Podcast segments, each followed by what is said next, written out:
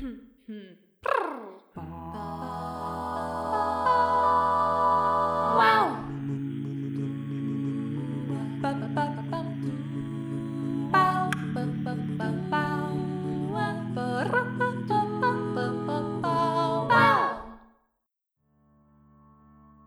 Gergő, hogy vagy? Szervusz Tündi, köszönöm szépen, jól vagyok, és te? Én jól vagyok, köszönöm, kicsit fáradtan, dübörög a munka, befejeztem az összes adatelemzést lényegében, amit még a meglévő kísérletekből hátra maradt, most már csak összegezni kell az eredményeket, igazából statisztikai teszteket végezni rá, hogy mik azok a minták, amik összehasonlíthatóak, mik azok, amik nem, megpróbálni értelmezni az eredményeket, és aztán olyan formátumba önteni, ami publikálható. Úgy tűnik nekem, hogy téged eléggé beszívott a munka. Hát igen, alig akar ereszteni, olyan erős gravitációs vonzást érzek a munka felől, magam felé, hogy nem tudom, hogy ki tudok-e szökni valaha a vonzásából. Ú, ez borzasztó És amikor volt. ránézel, akkor eléggé sötétnek is tűnik, igaz? Már, már mint egy fekete lyuk. Jaj, ez már fáj. ez nagyon nem. fájt. Hát, abba ez rek- kell hagyjuk, Tündi. ez rekordfájdalmas volt. Elnézést kérünk, kedves hallgatóink, sziasztok, jövő héten összejövünk. Ja, egyébként nem így beszélgetünk mindig, de néha szoktuk egymást kínozni ezekkel a rendkívül jól megkomponált viccekkel, vagy esetleg kínokkal. Hát tudósok vagyunk, és próbálunk humoroskodni, és nem szokott sikerülni sokszor de még mindig jobb, mint néhány konferencián a kommentekben elrejtett uh, kritikához is hasonló humor. De igen, tehát ma a fekete lyukakról beszélünk majd nektek, a fekete lyukak témáját dolgoztuk fel, és ez talán szerintem az első olyan téma, amit azért hoztunk el számotokra, mert uh, olyan sokan kértétek tőlünk üzenetben, e-mailben, kommentekben is. Igen, rendkívül népszerű témakör, nem meglepő módon minket is ezt véletlenül izgatnak a fekete lyukak, és tényleg jó volt látni, hogy annyian érdeklődtetek ezután a témakör iránt, szóval most beszélgetünk róla egy kicsit. És ugye miért is a fekete lyukak? Tehát ezek a fekete lyukak annyira egzotikus objektumok ugye az űrben, a kialakulásuknak uh, gyakorlatilag a klasszikus forgatókönyv szerint a középpontjában egy hatalmas csillag áll, amely kifogy a fényesedéshez és a, ugye a fénykibocsátáshoz szükséges belső üzemanyagból. Na most ugye, hogyha ez az üzemanyag kifogy, akkor nem szabad azt sem elfelejtenünk, hogy ezek ugye hatalmas gázpacsmagok, amiket felfújva tart az a hatalmas mennyiségű energia, ami a fúzióból származik. És hogyha ez az energia eltűnik, akkor ez a csillag összeomlik a saját gravitációja hatására, és ilyen iciri-piciri, ugye az eredeti mérethez képest, nagyon nagy sűrűségű, kompakt testet hagy maga után, aminek hatalmas gravitációs vonzása van. Ez a fekete lyuk maga egy olyan hely a világűrben, amely annyira sűrű és tömör önmagában, hogy olyan területeket képez maga körül, ahonnan a fény sem tud egyszerűen kiszabadulni. Ezt a régiót hívjuk úgy, hogy eseményhorizont. Ugye ez az a rész, amely ilyen belülről már mi nem látunk gyakorlatilag semmit. Hogyha ezen az esemény horizonton túljutunk, akkor a fekete lyuk gravitációs vonzása az számunkra szinte elképzelhetetlenül nagy lesz hogyha a fekete lyuk közelében valamilyen anyag van a térben, vagy esetleg mi űrhajóval oda mennénk. nem jó ötlet. Nem, nem jó ötlet több okból sem, amit mindjárt ki is fejtek. Hogyha túl közel kerülünk hozzá, akkor egy kicsit beszippant minket, és nem egyszerre szippant be minket, hanem egy úgynevezett spagettifikáció folyamat alapján, tehát gyakorlatilag végtelen vékonyra elnyújt minket, és aztán bepasszint minket erre a nagyon-nagyon fényes um, korongra, ami a fekete lyuk körül van, és ami a, a beszívott anyagok egy jelentős részét tartalmazza. Ezt hívjuk ugye idegen szóval akréciós korongnak. Igen, és ezen az akréciós korongon belül rendkívül nagy súrlódás lép fel az anyagban, amit oda beszívott, és nagyon magas hőmérsékletre, több milliárd fokra hevíti az anyagot ebben a korongban, ami emiatt az egész elektromágneses spektrumban elkezd sugárzást kibocsátani. Tehát így lényegében ugye ezt tudjuk, ez egy ilyen standard, jól ismert dolog a fekete lyukakról nagy részt, hogy a fekete lyukból még a fény sem tud kiszabadulni, az mindent beszív, de ettől függetlenül a fekete lyukak lényeges fénysugárzást bocsátanak ki emiatt az akréciós korong miatt, ami ugye a nagy felhevültség miatt sugároz. És nem csak ott, ugyanis a fekete lyukak erre az akréciós korongra merőlegesen kitöréseket tudnak okozni, ugye ilyen különböző rádióhullámos kitöréseket, amiket itt a Földről tudunk detektálni.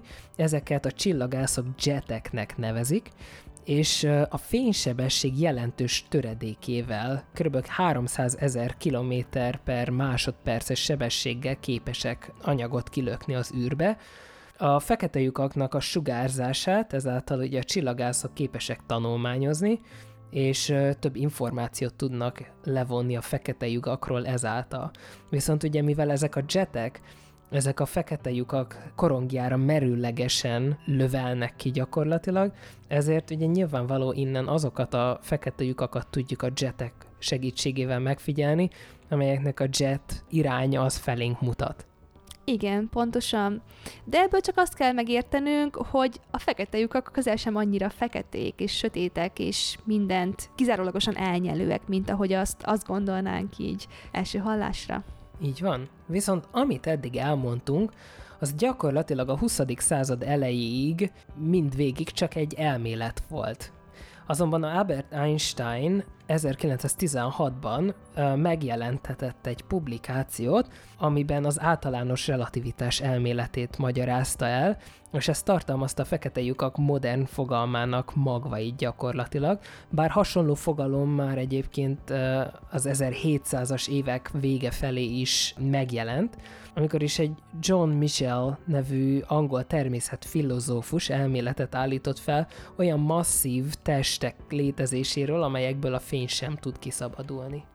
Igen, ez egy eléggé filozófiai jellegű fejtegetés lehetett még akkoriban, mert tényleg nem tartott még akkor ott a csillagászat. Nagyon sok mindent tudtak már abban az időben meglepő módon, de ez egy filozófiai fejtegetés volt. Később tényleg Einstein relativitás elmélete volt az, ami tárgyalta a téridő görbületét a gravitáció hatására.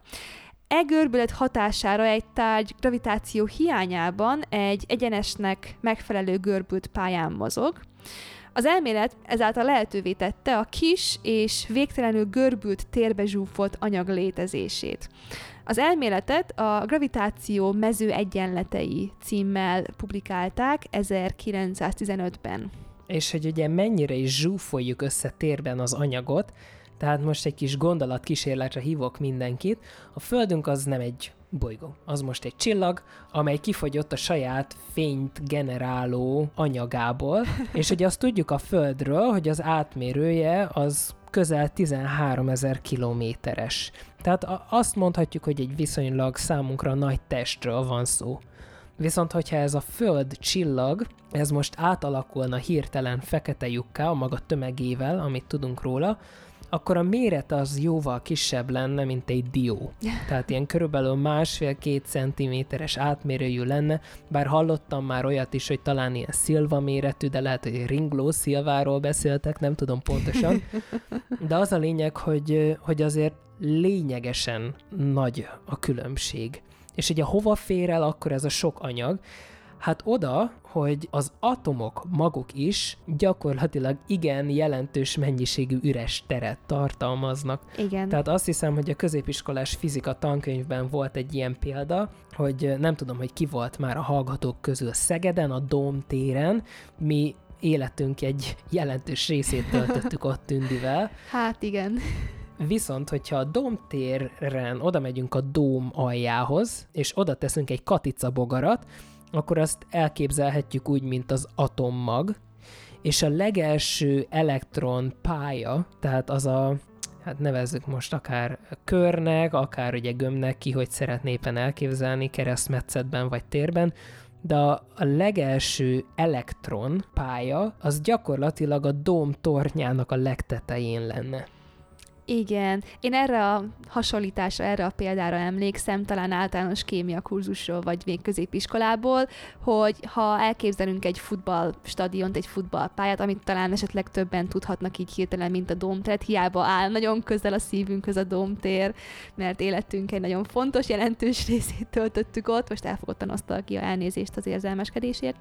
Nem baj, de való igaz, tehát a futballpálya az Magyarországon is előfordul viszonylag nagy sűrűséggel, úgyhogy azt talán tényleg jobban ismerik az emberek. Igen, tehát hogyha egy atom lenne egy futballpálya, akkor az atommagot középen nagyjából egy ilyen gombos tűfej méretű, vagy valami hasonló arányokat kell elképzelnünk. Ekkora sok üres tér van az, az atomban, ahogy mondtad. Igen, azt hiszem, hogy, hogy Thomson volt az, de szerintem már korábban említettük az egyik podcast részünkben, hogy amikor ő felfedezte ezt, hogy ténylegesen mennyi üres tér van, akkor az anekdóta szerint félt reggel lelépni az ágyról, mert félt, hogy átesik gyakorlatilag a, a padlón és a földön és, és a világűrbe is. Tehát ez azért nyilván akkoriban eléggé nagy egzisztenciális krízis tudott jelenteni az embernek, amikor rájött, hogy a legkeményebb anyag is üres tér. Na és ez az az üres tér, ahova az összes neutron és minden egyéb dolog, ami oda akar kerülni, az oda be tud zsúfolódni, és ezért tudunk ilyen hatalmas térbeli különbségeket produkálni azzal, hogy valamit átalakítunk fekete lyukká. Igen, pontosan. Szóval itt vagyunk az első világháború időszaka alatt Einsteinék társaságában, amikor levezették először ezeket a mezőegyenleteket és a gravitációval kapcsolatos eredményeket, és az első világháború alatt a német hadseregben szolgált Karl Schwarzschild nevű csillagász, aki aztán később a Pozdami Asztrofizikai Obszervatórium igazgatójaként elsőként oldotta meg Einsteinnek ezeket a mező egyenleteit. Itt a szomszédban. A megoldásai sikeresen leírták, hogy hogyan görbül a téridő, nem csak egy bolygó vagy egy csillag körül, hanem elméletben igen, elméletileg nagyon nagy sűrűségű tömegek körül, tehát például a fekete lyukak körül is. Egy elég nagy sűrűségű és eléggé nagy tömegű objektum körüli térben a gravitáció annyira erős tud lenni, hogy még a fény, ugye, amit a világegyetem leggyorsabban mozgó részecskéjeként ismerünk, még az sem tud elmenekülni. Ugye így uh, Schwarzschild volt az, aki először gondolt az eseményhorizont fogalmára, vagyis ugye a fekete lyukak körüli határterületre, amin túl már nem tud a fény sem kiszökni.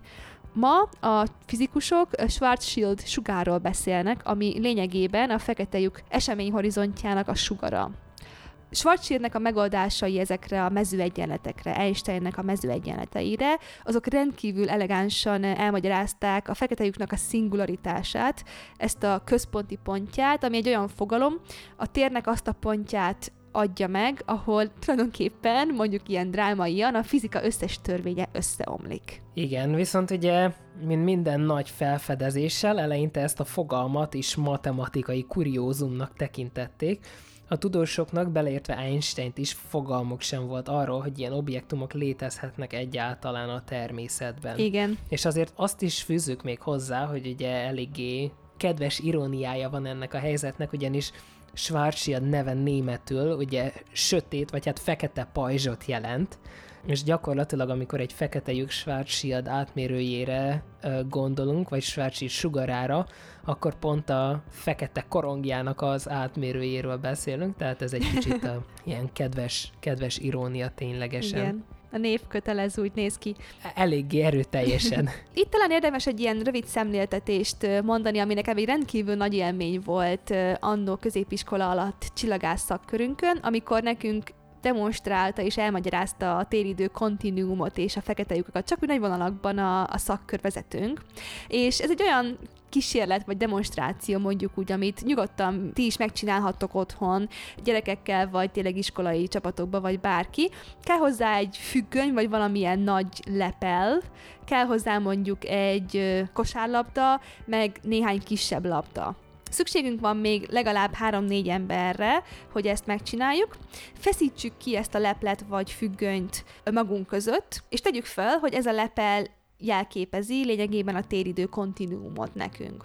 Most, hogyha berakjuk középre a kosárlabdánkat, az ugye egy kicsikét meggörbíti. És valahogy hasonlóan kell elképzelnünk nagy vonalakban azt, hogy például a nap, mint ugye egy nagyon-nagyon nagy tömegű, viszonylag nagy tömegű test, a csillagunk hogyan görbíti meg a téridő kontinuumot itt a naprendszerben. Igen. Most, hogyha oda pöckölünk egy kisebb labdát, tehát például egy pingpong labda méretűt, akkor ugye el tudjuk képzelni, hogy oda vonzódik, oda megy köré, valami ilyesmi a, a lényege annak, hogy miért állnak be pályára, keringési pályára például a bolygók a meggörbített téridő kontinuumon keresztül a nagyobb tömegű, nagyobb gravitációs erejű test köré. Na most ez a matematikai abstrakció, kuriózum, ami a fekete lyuk, ami kijött az egyenletekből, ezt nekem úgy magyarázta tényleg nagy vonalakban a szakkörvezetőnk, hogy most akkor képzeljük el, hogy ott a lepel közepén nem a kosárlabda van, hanem egy ilyen végtelen mélységű szakadás a lepelben.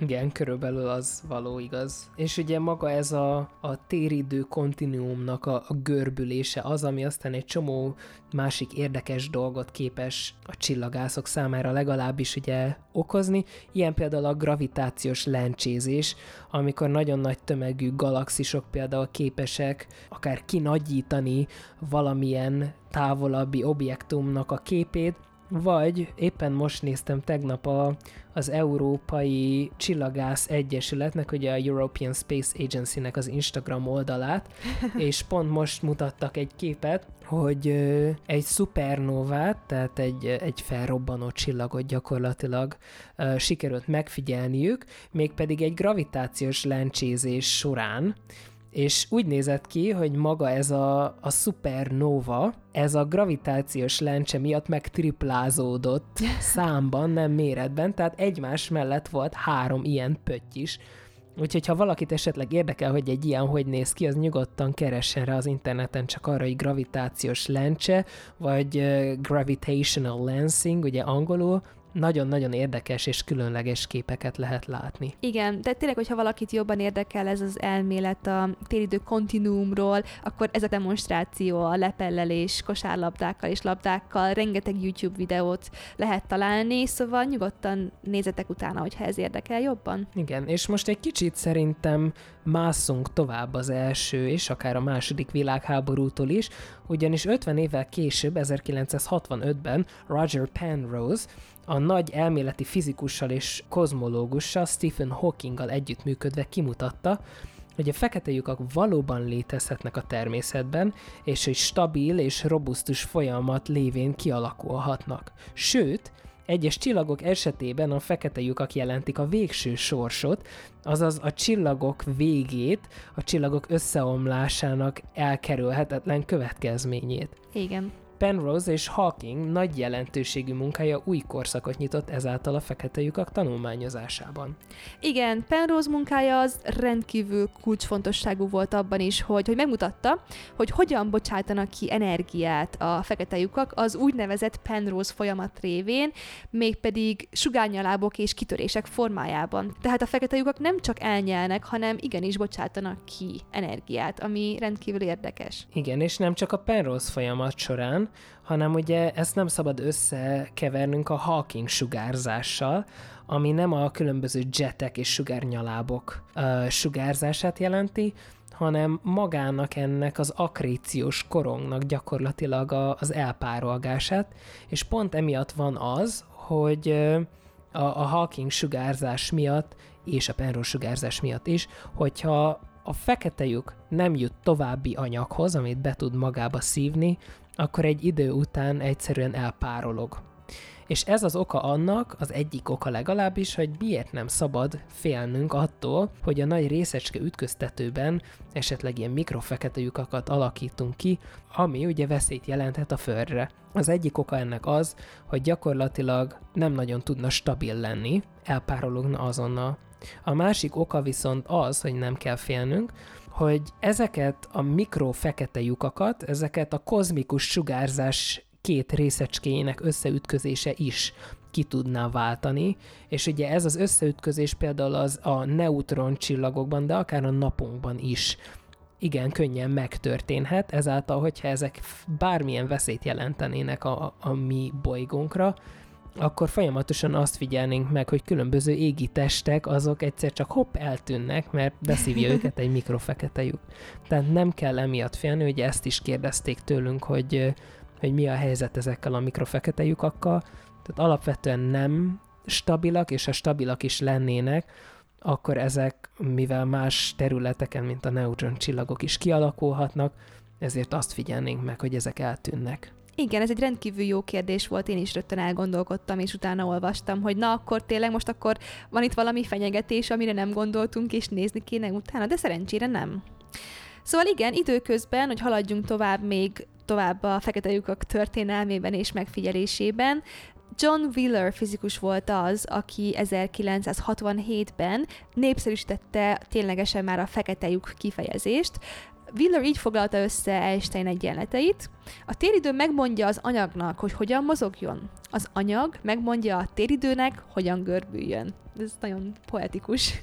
Igen, ez már-már szimbiózis. Igen.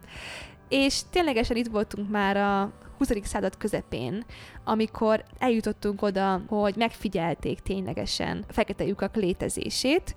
Az első csillagtömegű fekete lyukat, amit felfedeztek, azt Cygnus X1-nek keresztelték el, és 1964-ben egy rakétarepülés során vették föl a legerősebb röntgensugárzást, amit Földről eddig egyáltalán láttak csillagászati forrásokból, és ennek a forrását keresztelték el Cygnus X1-nek.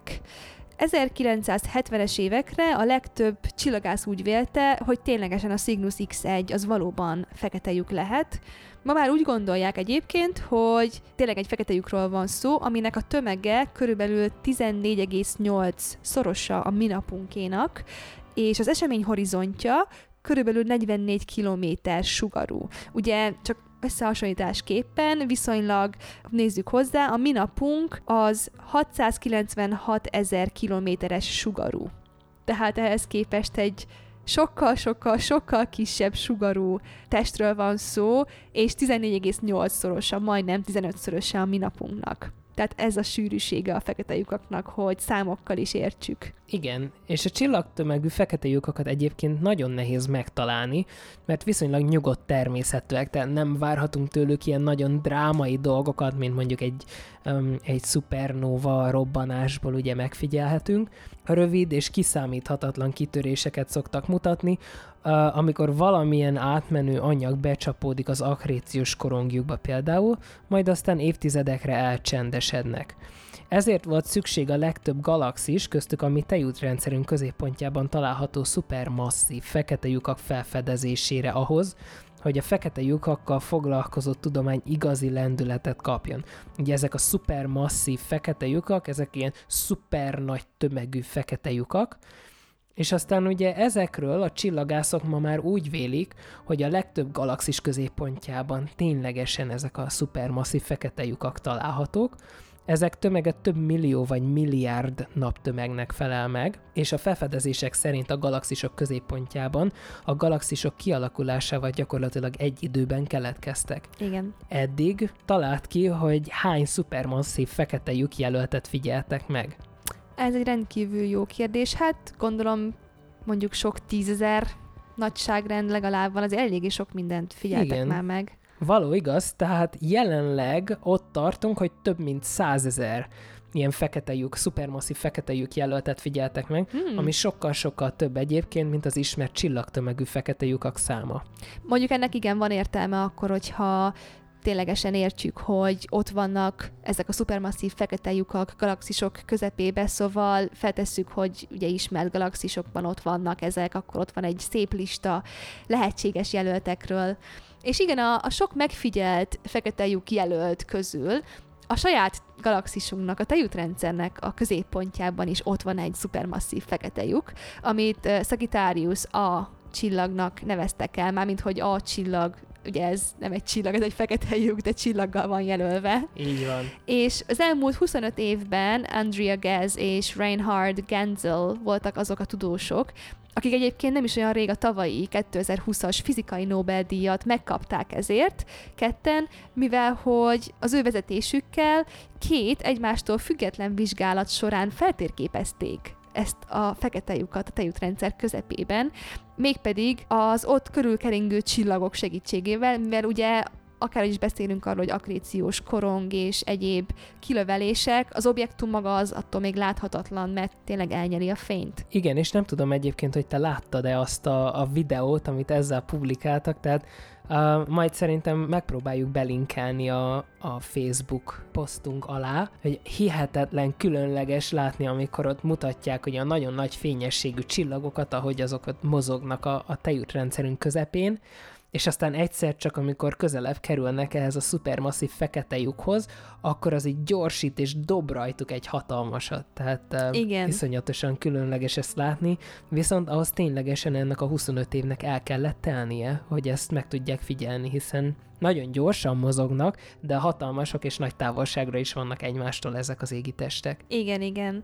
Tehát ezek a csapatok egyébként a Hawaii Keck obszervatóriumot és a csillai nagyon nagy teleszkópot, a Very Large teleszkópot használtak, ami az egyik legkreatívabban idézőjelben elnevezett csillagászati eszköz. Szóval ennek a nagy teljesítményű távcsöveknek a segítségével fedezték föl, ténylegesen bizonyították annak a szupermasszív fekete lyuknak a létezését, és főleg egy S02 néven ismert, szintén kreatívan elnevezett csillagra összpontosítottak főleg. Ugye ez a csillag, ez közelebb kering a galaxisunk közepén lévő fekete lyukhoz, mint bármi más megfigyelt csillag. Szóval rendkívül érdekes lehetett így tényleg látni. Így van. És aztán, hogy ez még mindig csak a fekete a jelenlétét sugalta számunkra, tehát még nem láttuk. Viszont aztán Einstein általános relativitás elméletének további igazolását az jelentette, amikor 2019. április 10-én az Event Horizon Telescope együttműködés közzétette az első fényképet egy fekete lyukról, amely a szűz csillagképben található M87-es nevű, viszonylag közeli galaxisban található. Mármint kozmikus mércével. É, így van.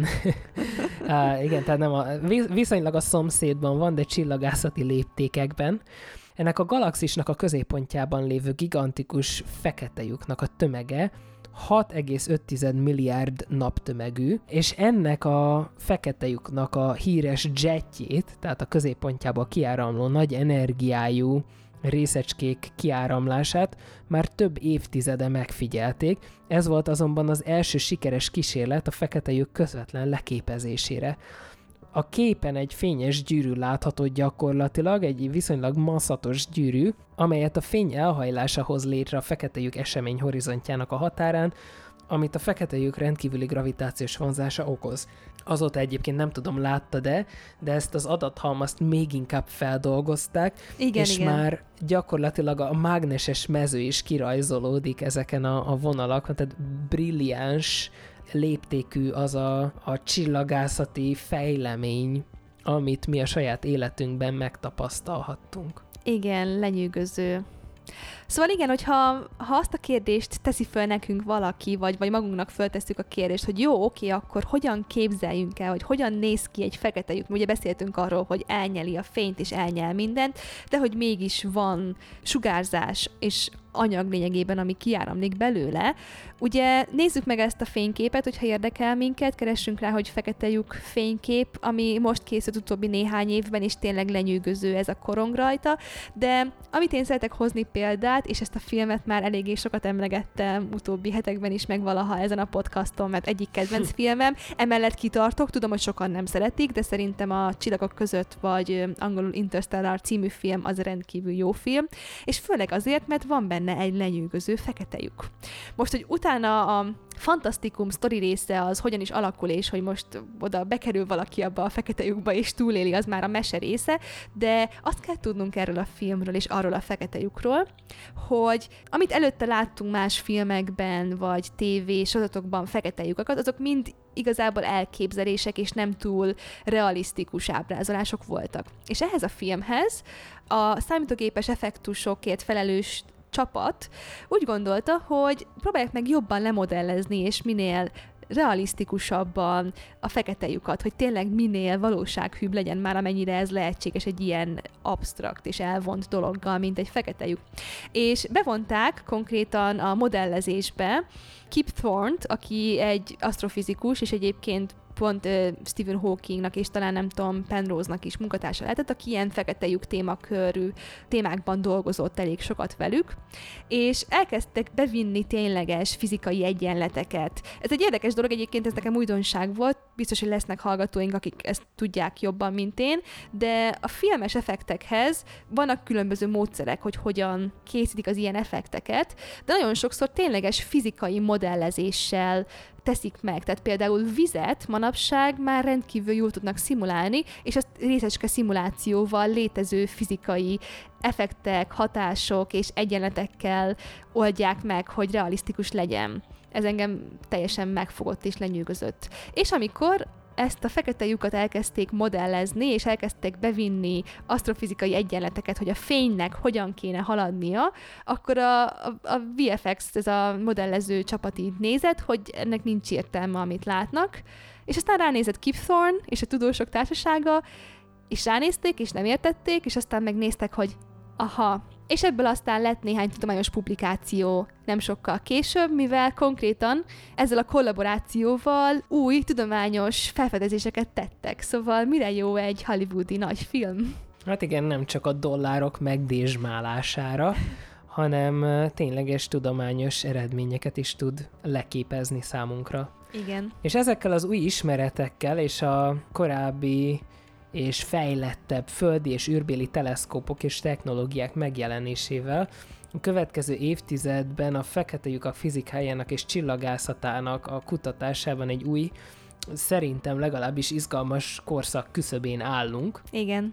Még mindig nincs egyébként megfelelő ö, megfigyelési bizonyítékunk arra, hogy a fekete lyukak belsejében érvényesül-e a normál fizika, tehát ez lesz a következő.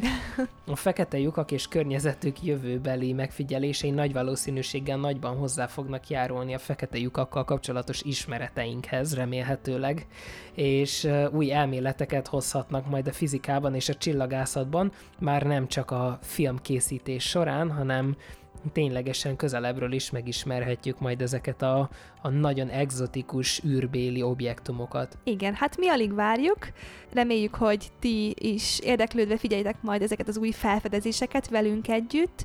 Hogyha ezzel a témával kapcsolatban még maradtak nyitott kérdéseitek, akkor nagyon szívesen várjuk őket a megszokott platformokon, Facebookon az oldalunkon, vagy a YouTube-on a videó alatt, de e-mailt is írhattok, Hogyha más kérdéseitek vannak egyéb témákkal kapcsolatban, vagy arról, hogy miről szeretnétek hallani, akkor szintén nyugodtan írjatok, mert ez a rész is, ahogy mondtuk, így készült el, hogy hallgatói kérdésekre, és reméljük, hogy továbbra is hallgattok minket minden héten, hétfőn új részekkel, a nagy megszokott platformokon, podcast platformokon, mint Spotify, Apple Podcast, Google Podcast és az egyebek, vagy YouTube-on a megszokott csatornánkon.